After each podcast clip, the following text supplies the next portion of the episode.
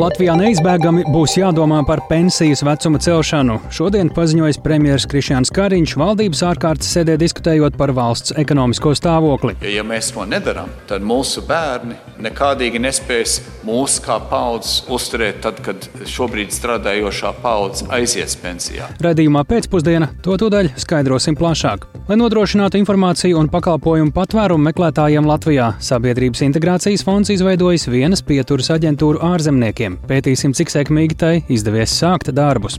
Un Rīgas zoodārzā nogādāts pavisam mazs šoziem dzimis lācēns, kurš pirms tam vairākas dienas bija manīts klīstam vidzemes pusē. Interesēsimies, kāds būs viņa liktenis turpmāk. Par to visu tūdaļ ziņu raidījumā pēcpusdienā kopā ar mani Tāli Eipuru. Pūkstens ir 16,5 minūtes, skan pēcpusdienas ziņu programma, skaidrojot šodien svarīgus notikumus studijā Tālis Eipurs. Labdien! Pieticīga ekonomikas izaugsme un inflācijas sabremzēšanās. Šādas prognozes turpmākajiem trim gadiem zīmē Finanšu ministrija, gatavojot Eiropas komisijas prasīto Latvijas stabilitātes programmu turpmākajiem gadiem. Ekonomika varētu attīstīties straujāk, ja izdotos veiksmīgi apgūt ar Eiropas fondu naudu saistītos līdzekļus. Savukārt, ekonomikas uzlabošanai pašu spēkiem neizbēgami būšot arī jādomā par pensionēšanās vecuma turpmāku paaugstināšanu. Tā uzsver premjeras Krišjāns Kariņš. Vairāk Jāņa Kīņša sagatavotajā ierakstā. Eiropas komisija gadu divas reizes prasa Eiropas Savienības valstīm apkopot prognozes par valsts ekonomikas attīstību. Uz to pamata gatavo Eiropas kopējās turpmāko gadu fiskālās prognozes un budžeta plānus. Finanšu ministrijas aktualizētās prognozes liecina, ka šogad Latvijas iekšzemes koprodukts saglabāsies pagājušā gada līmenī, bet nākamgad gaidām ekonomikas izaugsme 2% apjomā. Vidējā inflācija šajā gadā prognozēta ap 10%, pērn tā bija 17,3%. Savukārt nākamajā Nākamajā gadā inflācijai jāturpina pazemināties, cenu pieaugumam veidojot 2,2%, bet pēc tam stabilizējoties apmēram 2,5% līmenī. Savā novērtējumā par sagatavotajām prognozēm Fiskālās disciplīnas padome norāda, ka ekonomikas izaugsmes zemās prognozes realitātē varētu arī pārspēt. Tas izdarāms ar Eiropas līdzekļu pilnvērtīgu apguvu un vietējo investīciju vairošanu. Turpina Fiskālās disciplīnas padomes vadītāja Inna Steinbuka. Eiropas komisija eksperti aprēķināja, ka visa tā nauda tiks izmantota 2026. gadā. Būs pieauguma pīķis, nu, kulminācija. Un papildus, kas saka, normālam pieauguma tempam, būtu vēl plus līdz pat 2%. Protams, mēs nevaram cerēt tikai un vienīgi uz Eiropas Savienības naudu. Ir kaut kāda veida jāveicina privātie investori. Gatavojot ziņojumu, ministrijā uzmanība pievērsta vairākām ilglaicīgām problēmām - valdības nākamajiem uzdevumiem. Tā pauda finanšu ministrs Arvils Ašradens no jaunās vienotības. Daži pārsteigumi finanšu ministrijas pusē, par kuriem būtu vērts runāt. Tātad valsts kapitāla sabiedrības, kā mēs viņus pārvaldām, Tur ir daudz brīnumu, ko mēs redzam. Ir, ir kapitāla sabiedrības, kas ieplāno vienkārši gandrīz 10 miljonu zaudējumus vienkārši gadiem uz priekšu. Mēs runājam par slimnīcām. Un satiksmē ir e, gan pašzēru vilciens, gan dzelzceļš. Tas prasa liels struktūrāls pārmaiņas, kā mēs to tiksim galā. Mums ir arī virkni pārsteigumi sociālajā sfērā. Mēs redzam, ka izdienas pensiju izdevumi dubultojās. Tieši tāpat mēs redzam milzīgu eksploziju, ātru slimības lapu teikt, izmaksu pieaugumu. Dati apliecina, ka būs jāplāno gan izdienas pensija, gan vispārējā pensionēšanās vecuma paaugstināšana. Demogrāfijas slikto rādītāju dēļ jādomā par pietiekamu darba spēku un ekonomikas attīstību arī ilgtermiņā. Tā ministram piebalsoja premjerministrs Krišjāns Kariņš no jaunās vienotības. Ja mums ir 65 gadi, kad iet pensijā, nu mūsu izdienas pensiju vecums ir pavisam cits. Un neviena valsts nevar atļauties 40 vai pat 50 gadus maksāt cilvēkiem, lai nestrādātu. Nu, neviena valsts nevar atļauties. Un es domāju, ka mums būs jāturpina arī vispārējā pensionējošā vecuma pieaugums. Es domāju, ka neizbēgam mūsu valstī būs jāturpina iet uh, soli pa solim uz augšu. Ja, ja mēs to nedarām, tad mūsu bērni nekādīgi nespēs mūsu kā paudzes uh, uzturēt, tad, kad šobrīd strādājošā paudze aizies pensijā. Latvijā aizvien turpinās jau iesāktā pensionēšanās vecuma celšana, lai 2025. gadā sasniegtu 65 gadu vecumu. Tālāku plānu celt vispārējo pensijas vecumu pašlaik nesot. Tā intervijā raidījumā Kruspunktā norādīja labklājības ministre Evika Siliņa no jaunās vienotības. Stabilitātes programma turpmākajiem trīs gadiem pirms nosūtīšanas Eiropas komisijai vēl būs jāizvērtē arī saimā. Jānis Kincis, Latvijas Radio. Tematam par turpmāku pensionēšanās vecuma paaugstināšanu turpināsim sekot līdz citos ziņu raidījumos. Pašreizējā ģeopolitiskā situācijā Eiropas Savienība vēlas runāt un sadarboties ar Ķīnu, nevis norobežoties no tās. To šodien tiekoties ar Ķīnas prezidentu Xi Jinpingu, sacīja Eiropas komisijas prezidente Urzula Fonderleina. Tikšanās piedalījās arī Francijas prezidents Emmanuels Macrons. Viņš aicinājis Ķīnu izmantot savu ietekmi, lai vestu Krieviju pie prāta un izbeigtu kāru Ukrainā. Plašāk klausāmies Ulda Ķezbera sagatavotajā ierakstā. Ķīnas galvaspilsētā Pekinā šodien bija ieviesti visstingrākie drošības pasākumi, jo valsts vadītājs Sīdziņpins tikās ar Eiropas komisijas prezidenti Urzulu Fonderleinu un Francijas prezidentu Emanuelu Makronu. Šī ir Lejenas pirmā vizīte Ķīnā kopš stāšanās amatā 2019. gadā. Pēdējos gados Eiropas Savienības un Ķīnas attiecības ir kļuvušas saspīlētākas tirzniecības nesaskaņu un Pekinas aizvien agresīvākās ārpolitikas dēļ. Attiecības ir sarežģījusi arī Ķīnas nevēlēšana vēlēšanās norobežoties no Krievijas, kas Ukrainā jau vairāk nekā gadu īsteno pilna apmēra karu. Daudzi analītiķi uzskata, ka Lejenas un Makrona vizīte Pekinā apliecina Eiropas Savienības vēlmi risināt domstarpības ar Ķīnu, kas ir tās lielākais tirzniecības partneris. To tiekoties ar Sīdziņpinu uzsvēra arī Lejena. Mūsu šīs dienas tikšanās ir nozīmīga iespēja tiešam un konstruktīvam dialogam. Eiropas Savienībai un Ķīnai ir plašas un sarežģītas attiecības. No tā, kā mēs veidosim šīs attiecības, būs atkarīga mūsu nākotnes ekonomiskā labklājība. Tāpēc es neuzskatu, ka norobežošanās no Ķīnas ir dzīvotspējīga un vēlama stratēģija. Vienlaikus es saredzu riskus, kurus Eiropas Savienībai vajadzētu ņemt vērā. Pašreizējā ģeopolitiskajā situācijā vairāk nekā jebkad ir svarīgi, ka mēs sarunājamies viens ar otru un saglabājam atvērtus komunikācijas kanālus. And keep lines of communication open. Lējena arī sacīja, ka Eiropas Savienības un Ķīnas interesēs ir saglabāt un uzlabot noteikumos balstītu starptautisko kārtību un panākt, ka Krievija izbeidz karu Ukrainā. Pirms trīspusējās tikšanās notika Sīdziņpina un Makrona divpusējā tikšanās, kuras laikā prezidenti apsprieda Ķīnas un Francijas divpusējās attiecības un arī globāli nozīmīgus jautājumus. Jau pirms ierašanās Ķīnā Makrons skaidri norādīja, ka viņš centīsies pārliecināt Pekinu, lai tā neatbalsta Krievijas militāro agresiju Ukrainā. Arī tikšanās laikā ar Sīziņu Pinu Makrons norādīja, ka Francijai un Ķīnai kā ANO drošības padomes pastāvīgajām loceklēm ir jādara viss, lai nodrošinātu mieru un stabilitāti pasaulē. L'agression russe en Ukraine a porté un coup. Krievijas agresija Ukrainā ir iedragājusi globālo stabilitāti. Šis karš izbeidza gadu desmitiem ilgušo miera periodu Eiropā. Un es zinu, ka varu paļauties uz to, ka jūs palīdzēsiet vest Krieviju pie prāta un mudināsiet to atgriezties pie sarunu galda. Mums ir jāatjauno ilgstošs miers. Tāds miers, kas ievēro starptautiski atzītas robežas un izvairās no jebkāda veida eskalācijas. Manuprāt, šis ir jautājums, kas Ķīnai ir tikpat svarīgs kā Francijai un pārējai Eiropai. Savukārt Sīdziņpins kārtējo reizi norādīja, ka karu Ukrainā var izbeigt tikai sarunu ceļā, taču atturējās kritizēt Krievijas izvērsto agresiju kaimiņu valstī. Uldis Česberis, Latvijas radio. Kamēr pasaules līderi turpina runāt par lielo ģeopolitiku Ukrainas frontē, Uz vietas turpinās sīvas cīņas ar Krievijas karaspēku. Nacionālo bruņoto spēku pārstāvu pulkveža leitnante Anita Pizele sarunā ar Latvijas radio kolēģiem Mārcis Koju un Lauris Vējnieku secina, ka Krievija nav sasniegusi savus mērķus karā Ukrainā un tās bruņotajiem spēkiem ir lieli zaudējumi. Eksperti norāda, ka Krievijam tā arī nav izdevies pilnībā ieņemt Donetskas un Luhanskas apgabalus iecerētajos termiņos, jo Ukrāņu bruņotie spēki ļoti enerģiski aizstāvs. Turklāt Ilgā cīņa par Bahmutu un nu jau sagaidītā ārvalstu munīcija šobrīd ļauj cerēt uz Ukrainas pretuzbrukumu. Lūk, fragments no sarunas ar Anitu Pīzeli. Kopumā skatoties uz situāciju, vērtējot to kontekstā ar notikumiem gan politiskajā sfērā, gan militārajā ziņā, Es domāju, ka tas ir ļoti liels zaudējums Krievijas bruņotajiem spēkiem, gan dzīvajā spēkā, gan tehnikā, gan arī politiskajā jomā. Otkārt, 9. martā, martā vispār kā tādā bija domāta um, uzbrukums uh, no Krievijas puses, bija saņemts uzdevums ieņemt Doņetskas un Luganskas uh, apgabalus pilnībā, bet arī tas uzdevums nav izpildījies. Ukraiņu bruņoties spēki ļoti enerģiski aizstāvās, un arī visā teritorijā, kas ir okupēta, darbojās partizāņi, darbojās arī atbalstītāji, kas Ukrainas bruņotos spēkus atbalsta. Līdz ar to nav izdevies sasniegt faktiski nevienu stratēģisku, vienīgi kādus minimālus taktiskos mērķus, pieņemsim, kāds šobrīd notiek Bakmutas operācija.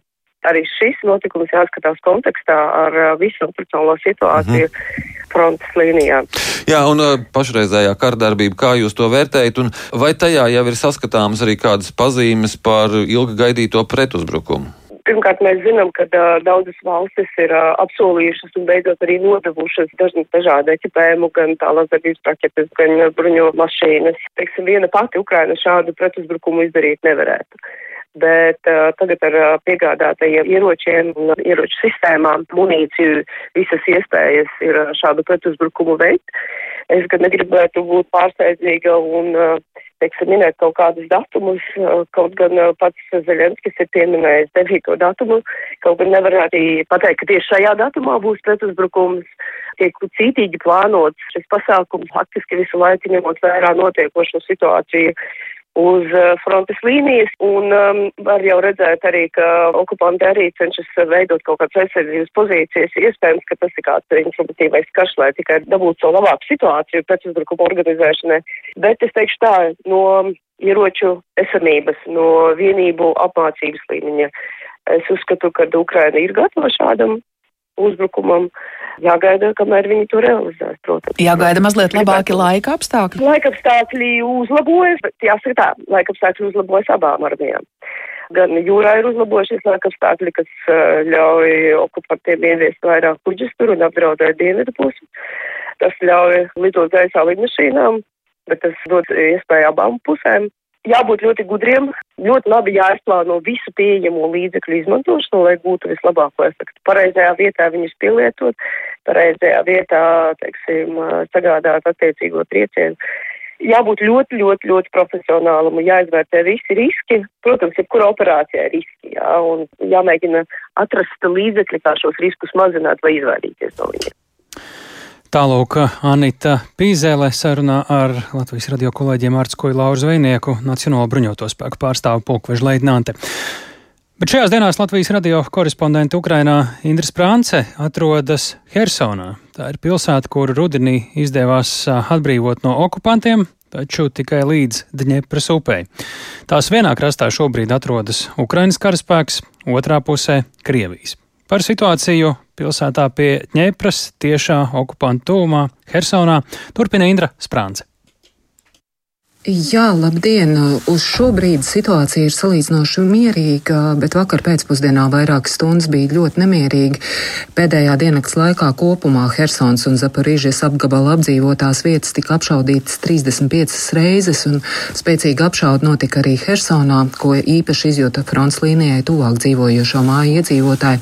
Te jāpaskaidro, ka upei tuvāk esošā pilsētas daļa ir ļoti blīva apdzīvot, un tur ir daudz, daudz stāvu dzīvojamās ēkas valsts, un daļā joprojām mīt iedzīvotāji. Viņi nav daudz, bet viņi ir. Un vakar ar dažiem no viņiem man arī sanāca aprunāties tieši uzbrukuma laikā. Paklausīsimies mazu fragmentiņu, kur iedzīvotāji jau pēc skaņām atpazīst, kad uh, otrā upes krastā Krievu karaspēks ir izšāvis lādiņu, un tad tiek sagaidīts, kurā vietā tas nokritīs šajā krastā. Зайдите сюда. Зайдите, потому что непонятно сейчас, куда пойдет. Ienāciet iekšā, jo nevar zināt, uz kurieni lidos. Tūlīt atlidos, bija izēja. Kā jūs zinat? Dzirdam, mēs jau esam iemācījušies atpazīt skaņas. Tanks strādā. Tagad atkal skatieties uzmanīgi. Tas no turienes. Tūlīt atlidos. Вот. Jā, nu, šādos apstākļos Helsons iedzīvotāji turpina dzīvi un, neskatoties uz nemitīgām apšaudēm, gaida, um, kad beidzot būs Ukraiņu uzvara. Plašāk par to visu pastāstīšu tuvākajā laikā. Šodien man bija iespēja arī apmeklēt apmācības hersoniešiem, kur iedzīvotāji tiek sagatavoti dažādām ārkārtas situācijām un pirmās palīdzības sniegšanai. Apmācības veids medicīniskā bataljona brīvprātīgie karavīri un turpinājumā fragments no brīvprātīgā Vsevolāda Dorofējeva teiktā Так как мы сейчас находимся в таком городе, который систематически обстреливается. Tā kā mēs šobrīd atrodamies tādā pilsētā, kura tiek sistemātiski apšaudīta jebkurā diennakts laikā, jebkurā vietā, apstākļi var mainīties ik pēc piecām minūtēm, un viss notiktu pat tieši tagad. Tad mēs gatavojam cilvēkus tam, lai viņi pareizi reaģētu, pareizi sniegtu palīdzību un zinātu, kā rīkoties tādā vai citādā situācijā. Корректно действовать в том или ином случае. Jā, un šobrīd šīs apmācības brīvprātīgo bataljons nodrošina pamatā Helsonas iedzīvotājiem, bet karavīri dažkārt veic apmācības arī citur, tur, kur iedzīvotāji ir vairāk pakļauti briesmām un kur ir nepieciešama šādas papildus zināšanas gadījumiem, ja neatliekamās palīdzības piekļuva ir apgrūtināta. Un mērķis ir stiprināt zināšanas, lai viņi paši sev var palīdzēt, lai viņi spēj izdzīvot līdz, palīdz, līdz tam brīdim, brīdim, kad atnāk palīdzība. Un um, vieta, kuras šodien apmeklēju šīs apmācības, um, ir atrodas vienā privātmāju rajonā, un jāsaka, ka cilvēku tur nebija daudz. Ir atnākuši faktiski aktīvākie hersonieši, tajā skaitā arī mm, tie, kas nodarbojas ar palīdzības sniegšanu citiem cilvēkiem, un uh, pamatā viņi ir uh, vidēji vecuma vai vecāku gadagājumu cilvēki. Un jāsaka, ka kopumā Hersona šajās dienās izskatās gana tukša. Um, cik daudz cilvēku šobrīd dzīvo šajā pilsētā, neviens nevar pateikt, bet ielās nav daudz cilvēku, nav daudz automašīnu. Tā kā tie, kas ir palikuši un pastāvīgi uzturs uz vietas, iespējams, nav daudz. Bet nu, aktīvākā daļa no viņiem apmeklē šīs apmācības. Tas man uz šo brīdi viss. Tālūk, Indras Prānce, Latvijas radio korespondente Ukrainā, savā stāstā no Hersonas, kur viņš šajās dienās uzturs. Bet līdz ar Krievijas iebrukumu Ukrainā un arī Baltkrievijas izvērsto hibrīdu karu Latvijā bēgļu jautājums pēdējos gados ir aktuāls, aktuālāks nekā jebkad agrāk, lai nodrošinātu informāciju un pakalpojumus trešo valstu pilsoņiem, kas Latvijā nonākuši Meklējot patvērumu, Sabiedrības integrācijas fonds no šī gada sniedz jaunu pakalpojumu - vienas pieturas aģentūra ārzemniekiem. Lai arī pieprasījums pēc šādas aģentūras ārzemnieku vidū pieaug, citas Latvijas organizācijas, kas arī nodarbojas ar palīdzības sniegšanu bēgļiem, aicina vēl nogaidīt pirms spriest un vērtēt pakalpojumu kvalitāti. Plašāk Agnijas Lāsdiņas ierakstām. Vienas pieturas aģentūra ārzemniekiem ir pakalpojums trešo valstu pilsoņiem, kas saņēmuši tiesības uzturēties Latvijas teritorijā, un personas, kurām nepieciešama starptautiskā aizsardzība, piemēram, bēgļi, un kuri likumīgi uzturas Latvijas teritorijā. Šobrīd aģentūra nodrošina individuālās konsultācijas, kurās var saņemt informāciju par uzņemšanu, sociālo aizsardzību, nodarbinātību un citiem jautājumiem. Tas notiek gan klātienē, gan attālināti, kā arī dažādās valodās, pielāgojoties konkrētā cilvēka vajadzībām. Kā stāsta Sabiedrības integrācijas fonda sekretariāta direktore Zaiga Pūce, kopumā viss norit diezgan gludi. Kopš 1. janvāra jau ir nodrošināts 364 individuālas konsultācijas, kas ir diezgan liels apjoms. Tā skaitā arī aptuveni 62 tūkošanas no 20 retajām valodām, kas ir farsu, turku, taģiku un tā tālāk. Katru mēnesi mēs jūtam aizvien lielāku un lielāku klientu skaita pieaugumu. Piemēram, salīdzinājumā februārī pret martu ir pieaudzis konsultāciju skaits par 62%, kas nozīmē, ka cilvēki aizvien vairāk uzzina par to, ka šāds viens pieturas aģentūras pakalpojums ir. Tuvāko mēnešu laikā pēc vienošanās noslēgšanas par projektu ieviešanu ar kultūras ministriju vienas pieturas aģentūrā būs pieejamas arī jurista, psihologa un citu speciālistu individuālās konsultācijas, tāpat arī rakstiskā tulkošana retajās valodās. No 2016. gada līdz 2022. gadam šāda veida pakalpojumu ar nosaukumu Informācijas centrs iebraucējiem nodrošināja biedrība Patvērums drošā māja. Kā uzsver biedrības valdes loceklis Alvis Šķenders, sabiedrības integrācijas fondam būtu jāpārņem galvenais uzdevums un loma veidot šo politiku, runāt ar politiķiem un panākt kādu normatīvu aktu izmaiņas, lai visiem kopā būtu iespējams sasniegt mērķi integrēt trešo valstu piedarīgos Latvijā. Pašlaik mēs vēl nevaram priest par pakalpojumu, kāds viņš būs, kāda būs kvalitāte, kāds būs klientu atsaucība un vērtējums, jo pašlaik ir tikai trīs mēneši. Pakalpojums pēc būtības, manuprāt, pat vēl īsti nav uzsākt, jo notiek tikai tādi sagatavošanās darbi, kā piemēram personāla atlase, līgumu slēgšana, Šķenders gan piebilst, ka ir jāņem vērā, ka Sabiedrības integrācijas fonds ir valsts iestāde. Līdz ar to pakalpojumu ieviešana ir arī daudz laikietilpīgāks process nekā tas būtu nevalstiskajām organizācijām. Arī organizācija gribu palīdzēt bēgļiem sadarbojas ar Sabiedrības integrācijas fondu, tāpēc jaunā pakalpojuma izveidē ir snieguši savas rekomendācijas. Turpina organizācijas gribu palīdzēt bēgļiem mentors Dainis Deigelis. Mēs vienmēr kā organizācija esam uzskatījuši, ka ir jābūt tādai aģentūrai, kurā ir pieejami visi pakalpojumi vienu vietu, ka tas būtu tas ideālais gadījums, kā tam tiešām būtu jāstrādā, kurai apakšā ir gan mentori, gan sociālais atbalsts, gan informācijas punkts, gan tulku pakalpojums. Deigelis stāsta, ka pagaidām var novērot, ka pakalpojumu ieviešana nenotiek tik ātri, kā gribētu. Tomēr tas ir normāli un tā var būt, ja vien necieš pakalpojumu saņēmēji saņēmēji. Galvenais, lai tās struktūra, kāda tā ir paredzēta, sāktu strādāt un būtu izpratne pašiem par to, kas tad ir tas sasniedzamais rezultāts, ka tā strādā reāli cilvēkam, kurš pie viņiem ir atnācis. Tāpēc es personiski uzskatu, ka labāk lēnāk, bet jēgpilni nekā ātri sasteigti un bez rezultātu. Latvijas pilsētās veido arī reģionālās vienas pieturas aģentūras filiāles. Šobrīd tāda jau ir Liepājā, tuvākajā laikā būs arī Jelgavā, Valmierā, Daugaupilī un citviet. Agnija Lazdiņa, Latvijas radio. Ar zemgāles hokeju uzvaru noslēdzies Latvijas čempionāts hokejā. Apkoposim svarīgākos šīs sezonas akcentus vietējā hokejā un kāds būs turpmākais liktenis Lāču mazulim, kurš no vidzemes nogādāts Rīgas zoodāzā. Šie un citi temati raidījumā pēcpusdiena turpmākajās minūtēs.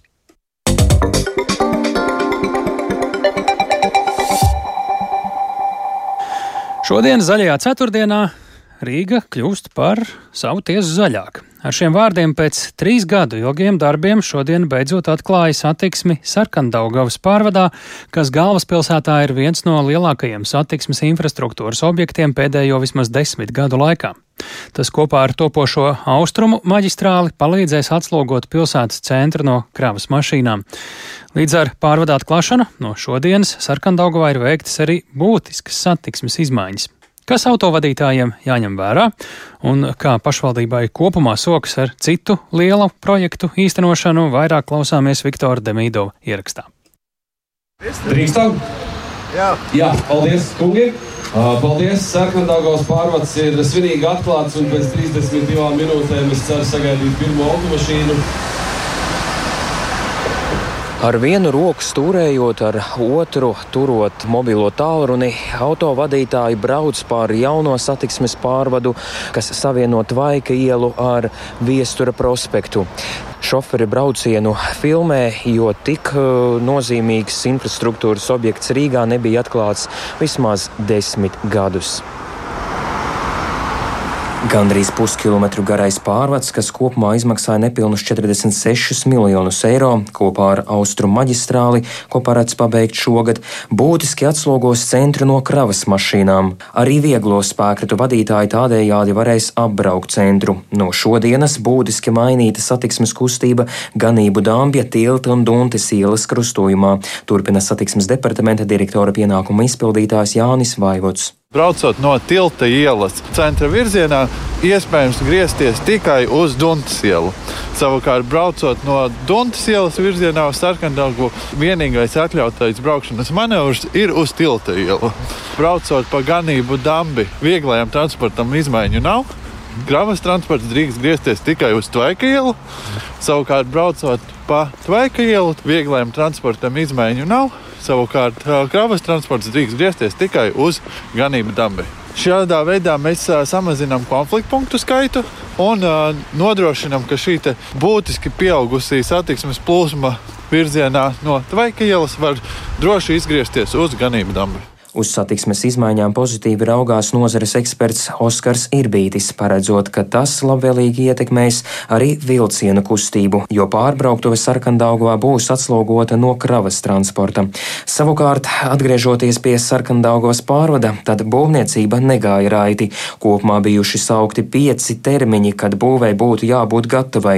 Iesākumā pērnā gada vēlais pavasaris, tad vasaras beigas, trešais termiņš bija novembris, tad marts. Tad aprīlis sākums, kas beigās īstenojās. Rīgas vicemērs Vilnis Čirsis no jaunās vienotības atklāja, ka pašvaldības satiksmi vēlējusies atklāt jau pērnā gada beigās, taču vienoties ar būvnieku tā arī neizdevās, jo pārvads nebija nodots eksploatācijā. Rodas jautājums, vai pašvaldības sauktiem termiņiem sabiedrība var ticēt. Tie ir plānotie termiņi, šī nav nezinu, medicīnas operācija, tad Rīgā ir ļoti daudz apstākļu, kas var ietekmēt procesu. Jā. Var atrast abadījumus, kā brāzas tiltā, kaulus. Jā kaut kādas komunikācijas vadus sarakstus, ja, kur, kurus neviens nekur nav uzrādījis nekādās topogrāfijās, kur jādomā, ko viņiem darīt. Pat bez tiem apstākļiem redzējām karu, ja, kas izraisīja dažādu materiālu deficītu un tā tālāk. Pret pašvaldības solījumiem skeptisks ir domas opozicionārs Andris Morozovs no Saskaņas. Paskatāmies, tas pats uh, Gertrūdas ielas uh, sakārtošana, nu, viņš nav pabeigts uh, jau gadu. Ja? Un uh, atrunas par to, ka ir tehniskās pauzes, kas bija saistīts arī ar sarkandaugos pārvadu. Ja? Nu, tas ir ļoti skeptisks tāds uh, atrunas vai dokumentu nesakārtošana, bet tas reiza vairāk uh, tādus jautājumus, ar kuriem vajadzētu varbūt uh, piesaistīt iesaistīties uzraugošām iestādēm. Ja. Sarkandaugavā jaunā pārvada Tvaika ielas pusē pašvaldība līdz 2025. gadam iecerējusi uzbūvēt arī savienojumu ar Kunziņsalu. Doma lēš, ka tilta izmaksas varētu sasniegt pat 50 miljonus eiro. Lai vidi pilsētā padarītu vēl labāku, aptuveni piecu gadu laikā pašvaldība plāno uzbūvēt arī dienvidu tilta ceturto kārtu. Kilometriem garais posms savienos Bauskas ar Jelgavas šoseju. Viktors Demidovs, Latvijas radio. Pašvaldība izskata iespēju pār sarkandaugaus pārvadu virzīt arī sabiedriskā transporta kustību, bet pagaidām nav zināms, kad un kā tas varētu īstenoties. Bet eh, šobrīd eh, mēs pievēršamies eh, hokejam, jo ir noslēgusies Latvijas hokeja čempionāta sezona un ir zināmi arī uzvarētāji.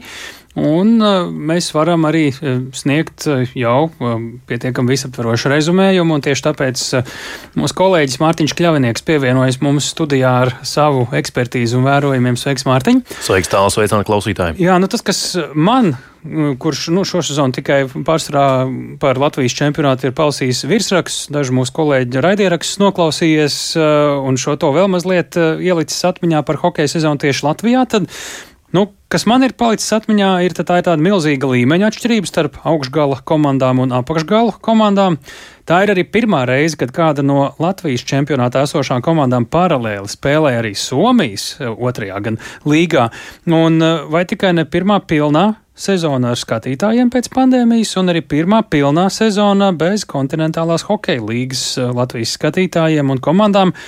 Un, protams, tam visam Noslēgums Zemgals uzvara vakar čempionāta finālsērijā. Nu, kā tad tu teiktu, mēs varētu rezumēt šo sezonu? Daudz dažādu tematu bija.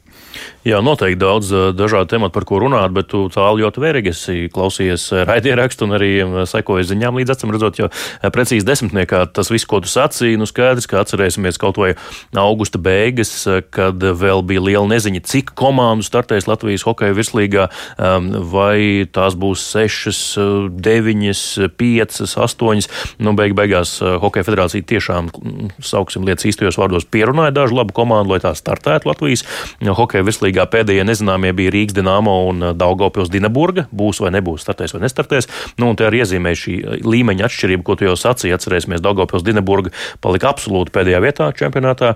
Devītajā tātad uh, no deviņām komandām spēlēja principā ar skolēniem sastāvā. Lai iekšā pa pārdesmit vārtiem spēlēja. Jā, atceramies rezultāts 0-19, 0-20 šajā čempionātā arī bija, bet, protams, arī kontrasts, jo Rīgas Dienāmo šo komandu uzvarēja ar 19-0 un pēc dažiem, pēc neilga laiciņa šī komanda savukārt Rīgas Dienāmo ar 4-2.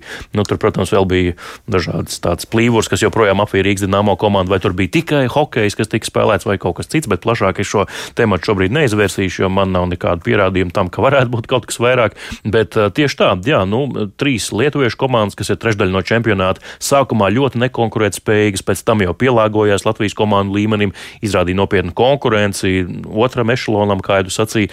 Tāda ļoti nu, es neteiktu dīvaina, bet saudabīga sezona. Kontrastaina, pirmo reizi, jā, trīs lietuviešu komandas eh, piedalījās Latvijas čempionātā. Nu, tāda ļoti, ļoti saudabīga sezona. Un, ja par zemgalu runājam, kas ir čempioni, Simt spēles sezonā. Gandrīz, jā. Es saskaitīju vēlreiz precīzi 95. Nu. Ja Oh. man matemātika man neviļ tā kā līdz simtam gan nav daudz.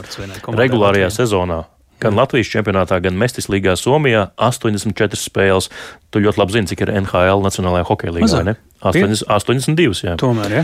jā, tā kā par divām mazāk. Nu, vēl tad uh, finālsē ir nu, tā kā izslēgšanas, Izslēgšanas spēles, jā, klāt, ceturtajā fināli, pusfināli un fināls kopumā 11 spēles, kopumā 95 mači jā, zemnos komandai. Nu, un, uh, ja mēs tagad mēģinām ieskatīties uh, nākamajā sezonā, kas notiks? Nu, ir jājautā ar šīs sezonas uzvarētājiem zemgali, vai viņi būs Somijā, Latvijā, abās vai kā citādāk.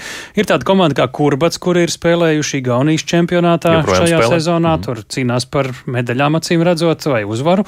Un vai viņi varētu parādīties Latvijā? Liepājā līdz šim ir bijis spēcīgs hokejs, kurš ir iepauzējis, uh, kas ar lietuviešiem notiks.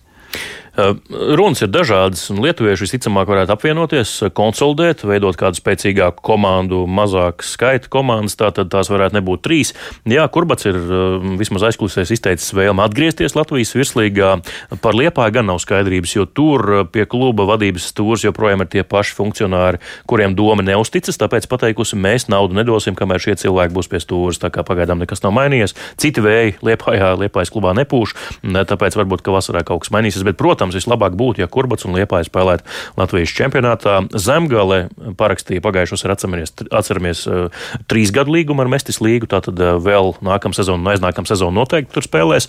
Bet uh, jautāja arī Zemgales galvenajam trenerim Artim Ābolam, ko tad viņš domā, kādai vajadzētu būt Latvijas čempionāta nākamajai sezonai tieši no Zemgales perspektīvas, vai viņam būtu interesanti šādā pat formātā kā šo sezonu aizstāvēt titulu, ko viņš sacīja. Mēs redzējām, mums ir interesanti spēlēt Somijā. Jā, fināls, Mogo, līdzīgas komandas, nopietnas spēles. Godīgi teikšu, mums ir zemāka līmeņa nekā teiksim, mēs spēlējam Somijā, bet uh, specifika ir cita un redzam, interesi ir, cilvēki nāk. Bet, nu, mums spēlēt ar lietuviešiem, priekš mūsu komandas tas nav interesanti. Tajā pat laikā Tādēļ HS Rīga, kas ir astoņas bāzes komandas, viņiem tas ir ļoti noderīgi teiksim, spēlēt ar pieaugušiem un nevis visu laiku zaudēt, bet reāli cīnīties par uzvaru un tur uzvarēt. Tas, tas viņiem tas ir pozitīvi. Mums mēs varam spēlēt playoff regulāro sezonu. Jā, tāda dziļdomīga pauze ar tābolu izpildījumā. Jā, tas nozīmē, ka viņš īsti nevēlas vismaz ar uh, Somijas līgas sastāvu spēlēt regulārajā sezonā Latvijā, kā tas tika darīts uh, šajā sezonā. Nu, gan sezonas otrajā pusē ar vien mazāk, Jā. bet tomēr tika darīts. Nu, ko, Tagad Latvijas vietējais čempionāts un sezona ir galā. Lai saprastu mūsu čempionāta līmeni, mēs varam paspekulēt, cik tad Latvijas čempionāta spēlētāji varētu būt hokeja pavasarī uz pasaules čempionātu vai vismaz uz izlases pārbaudēm. No paplašinātajā sarakstā iekļaut vairāki. Laikam tas uh, reālākais kandidāts, kas varētu tikt pie spēlēšanas, tā pirmšķietām ir Ēriks Vītols, Zemgals komandas pamatvārdsargs, bet, nu, cik man ir ziņas, tad uh, tur ir arī savainojums vārdsargu nometnē konkrētam pietiekami potenciālam pamatsastāvu vārdsargam, un tur varētu arī kādam jaunam varbūt būt kādas cerības iekļūt kā trešajam vārdsargam. Bet uh, laukuma spēlētāji domāju, ka pasaules čempionātā Rīgā neviens no Latvijas hokeja virslīgas nespēlēs. Kas arī, protams, pasaka par daudz par līmeni. čempionātu līmeni. Jā. Paldies Mārtiņam Kļaviniekam. Mēs turpināsim sekot līdzi hokeja stāstiem, jo Latvijā hokejs ir svarīga spēle. Mēs eh, turpinām raidījumu pēcpusdienu ar pilnīgi citu stāstu. Pavisam mazs. Šo ziemu dzimis Lācēns ir nogādāts Rīgas zoodārzā. Viņš vairākas dienas novērots klīstām gar Limbažu alojas ceļa malu. Dabas aizsardzības pārvaldes speciālisti viņu sākumā netraucēja, cerot, ka tūmā ir mazuļa māte, bet tā kā tas nav piepildījies, māte nav parādījusies. Lai novērstu tālāk iespējams sadursmes ar automašīnām vai vietējiem suņiem, Lācēns vēlāk ir notverts un nogādāts Rīgas zooloģiskajā dārzā karantīnā. Pie mūsu klausos dabas aizsardzības pārvaldes, dabas aizsardzības departamenta direktora Gita Strode. Labdien! Labdien!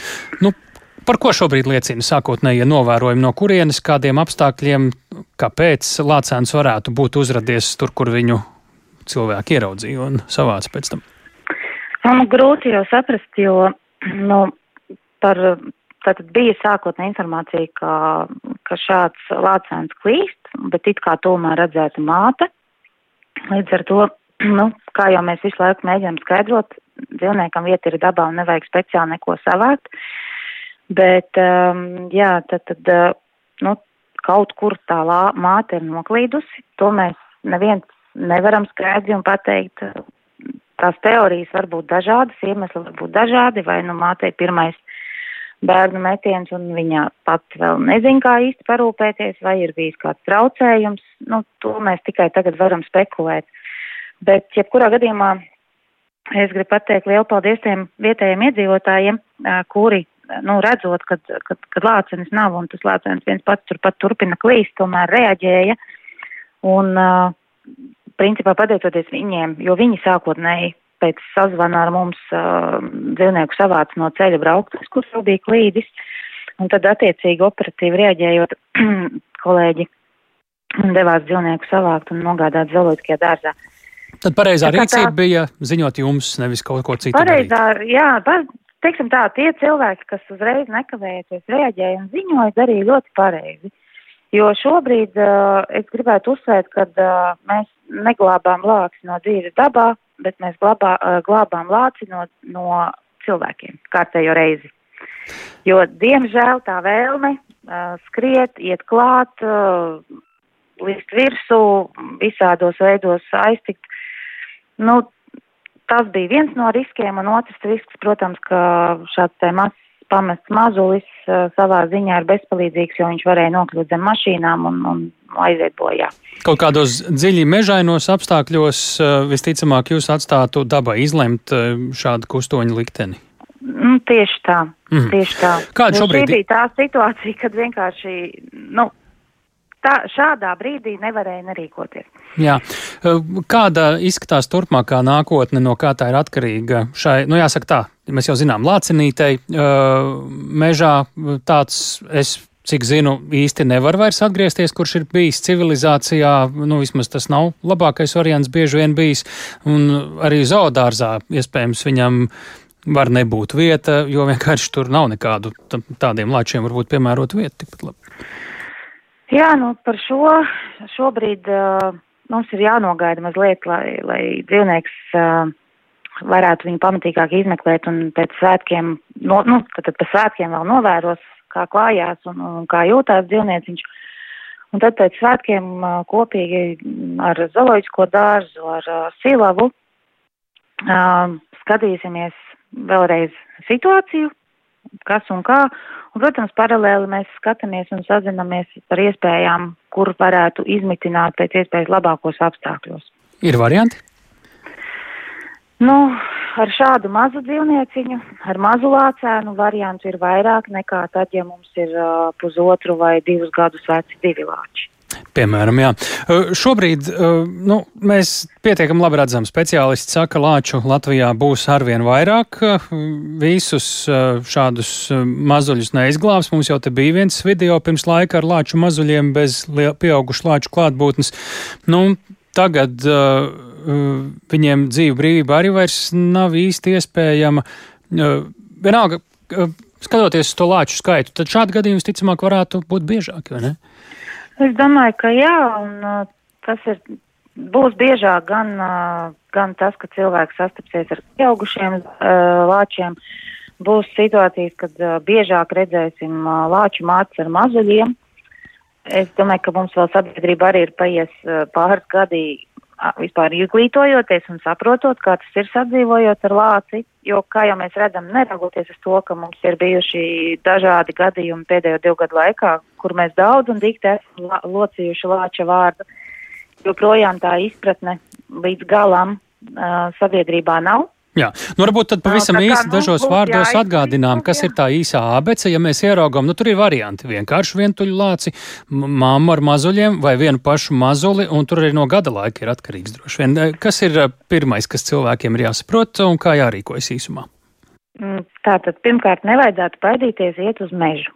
Lācis ir uzmanīgs cilvēks, un iespējams lācis pamanīs mūs, pirms mēs vēl būsim pamanījuši lāci. Nu, pasaigu laikā. Tādos virsrakstos mums kāds 40 sekundes. Tādos jā. virsrakstos, jā, nu, galvenais, galvenais, ja redz, ka ir lāceni ar lāceniem netuvoties, klusiņām doties prom, negriezt lācim muguru. Uh, ja ir dīvainas skaņas, trokšņi mežā dzirdami pavasarī sevišķi, nevajag iet un pārbaudīt. Vienalga, vai tas ir lācis vai cits dzīvnieks vai citu dzīvnieku mazuļi, nav jāiet, jābildē, jāfotografē, jālien virsū. Mhm. Bet tas ir galvenais. Nu, un mežā ir jātrokšņo, lai viņi nepienāk pie jums, lai dzird jau laikus un pazūd, vai ne? nu, gluži ar skaļām taurēm skriet nevajag, bet, nu, jā. Turpināsim interesēties par to, kad vien būs iemesls. Sakām paldies dabas aizsardzības pārvaldes, dabas aizsardzības departamenta direktorai Gitai Strodei un raidījumā pēcpusdienā sakām arī jums paldies. Raidījumu šoreiz veidoja tāls eipurs Ilza Aginta Kaspars Groskops Rita Karnača. Klausieties to arī Latvijas radio mobilajā lietotnē un mēs sakām sviniet droši un atbildīgi. Priecīgs lieldienas un līdz nākamajai nedēļai!